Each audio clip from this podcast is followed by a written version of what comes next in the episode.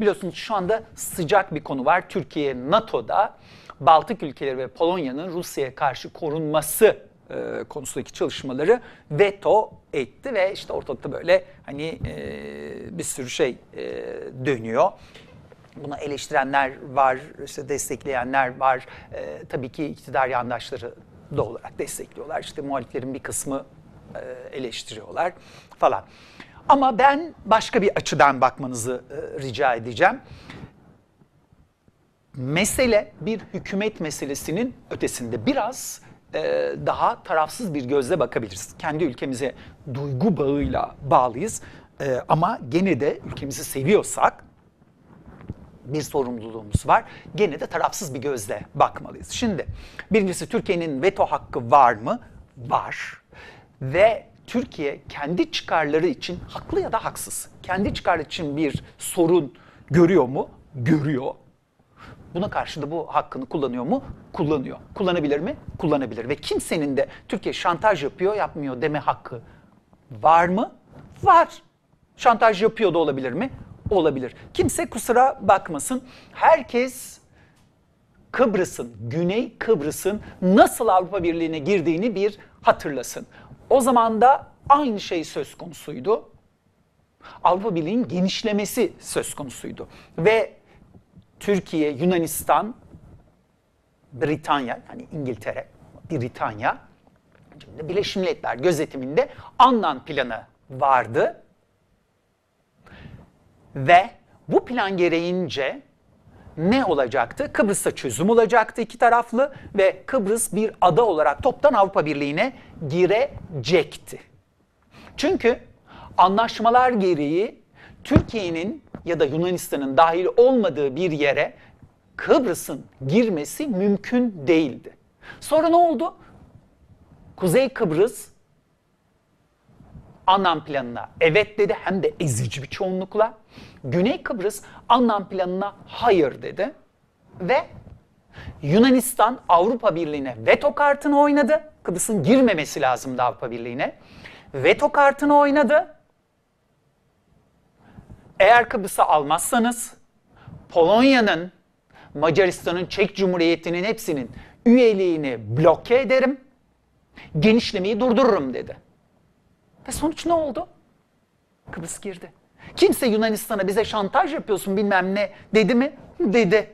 Sonuç ne oldu? Yunanistan istediği yerine getirildi. Kimse kusura bakmasın. Her ülke kendi çıkarlarını savunmak zorundadır.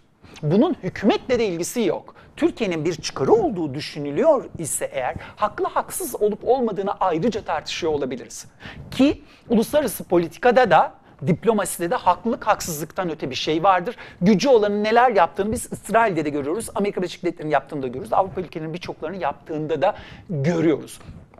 Türkiye kendisi için önemli bir konu olduğunu görüyorsa NATO'nun en eski ve en önemli üyelerinden biri olarak evet bunu yapabilir ve Baltık ülkelerinde rehin alabilir. Siyaset böyle bir şey. Yani Türkiye Cumhuriyeti e, devletini eleştireceğiz diye de hükümetiyle Türkiye Cumhuriyeti devletini birbirine karıştırarak hareket etmeyelim. Evet devleti eleştirebiliriz. Kesinlikle eleştirebiliriz. Yabancı olsaydık da eleştirebilirdik. Ben de Almanya'yı, Polonya'yı, İngiltere'yi, Amerika'yı, İsrail'i, e, işte efendim Arabistan'ı, şunu, Çin'i bunu eleştirebilirim. Vatandaş olarak da eleştirebilirim kendi devletimi. Yaptıkları e, yanlış olabilir. Ama şapkamızı önümüze koyup doğru açıdan bakmak zorundayız. Türkiye kendi çıkarlarına uygun olmadığını düşündüğü bir konuda veto etkisi var ve bunu veto edebilir. Öyle hemen de e, bir tarafgirlik yapmak lazım ve şu tuzağa da düşünmek lazım. Sayın Recep Tayyip Erdoğan kendi kişisel ikbaliyle Türkiye'nin ikbalini sanki eşmiş gibi e, davranıyor.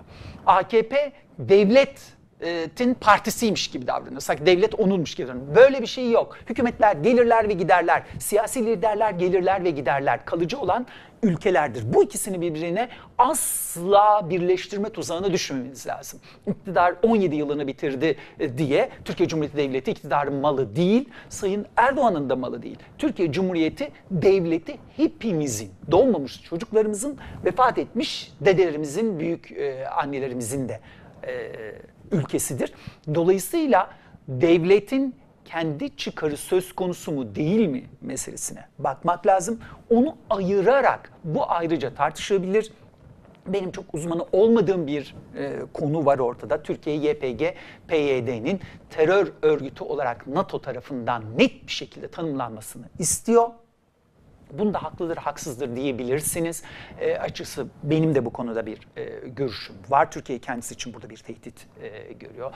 Biliyorsunuz ben savaş karşıtıyım Suriye'deki operasyona. Türkiye'nin Suriye politikasının daha en başından itibaren kardeşim Esad'ın bir sabah kalkıp Esed olmasına itibaren itiraz ettiğimi de hepiniz biliyorsunuz. Ama Türkiye NATO'da veto kartını kullandı diye e, eleştirilemez. Efendim Baltık ülkelerini rehin aldı. Yunanistan da almıştı. Yunanistan aldığında oluyor da Türkiye aldığında niye olmuyor? Üstelik Yunanistan'ın o zaman yaptığı çok daha ağır bir şeydi. Uluslararası anlaşmaları Avrupa Birliği'ne ihlal ettirdi. Güney Kıbrıs Avrupa Birliği'ne girdi. Türkiye'nin üye olmadığı bir yere girdi. Ortak bir anlaşma vardı. Beraber anlaşmaya evet diyecekler ve girecekler diye uzlaşılmıştı taraflar arasında. Oyunu bozan Rumlar oldu. Buna rağmen ödüllendirilen onlar oldu. Ve Yunanistan da döndü Avrupa Birliği'ne. Tamam biz çizdik oynamıyoruz. Oyunu bozuyoruz. Uluslararası hukuku hiçe sayıyoruz. Ama siz gene de benim istediğimi yapmazsanız bloke ederim, veto ederim. Polonya, Macaristan, Çek Cumhuriyeti, bütün o Doğu Avrupa işte Baltık ülkeleri de dahil Avrupa Birliği üyesi olamazlar. Çünkü böyle bir hakkım var dedi. Bu şımarıklığı yaptı mı? Yaptı. Ve sonucunu da Güney Kıbrıs'ı dahil ettirerek aldı. Dolayısıyla Türkiye NATO'nun üyesi görevlerini yerine getiriyor mu? Getiriyor. NATO'dan da bir şey istiyor mu? İstiyor. Siyasi aranada da bu işler böyle pazarlıklarla olur. O yüzden ben bu konuda hani e, bunu da e, söylemek e, isterim. Yani Türkiye'yi e, Türkiye'yi hükümetle birleştirmeyelim. Aynı gibi görmeyelim. Ama ulusların dostları ya da düşmanları yoktur. Korunacak çıkarları vardır. Ve o çıkarlar neyi gerektiriyorsa ülkelerde kozlarını oynarlar. Baltık ülkeleri ve Polonya Rusya'ya karşı korunma istiyorlarsa, bunun için NATO'nun bir plan yapması isteniyorsa, Türkiye bunu kendi çıkarları açısından uygun görüyor ise buna onay verir. İlle de Türkiye'nin istediği bir şeyler olması da gerekmiyor. Türkiye bunu kendi çıkarları için uygun da görmeye de bilirdi. Ve veto edebilirdi. Böyle de bir hakkı var e, Türkiye'nin. Ha diğer NATO üyeleri bunu istiyorlardı, Türkiye'nin kolunu bükerdi falan. O da iktidarın Türkiye'yi düşürdüğü zayıf durumla alakalı. Gene ekonomimizi e, krizi sürüklerim falan diye Trump konuşabilir eğer bunu çok istiyorsa. Biliyorsunuz daha önce öyle demişti. Biliyorsunuz demişti rahibi de serbest bırakmadılar. Türkiye'nin bir kolunu büktüm. Hemen serbest bırakıverdiler. Hukuk mukuk bir tarafa atıp serbest bırakmıştık çünkü.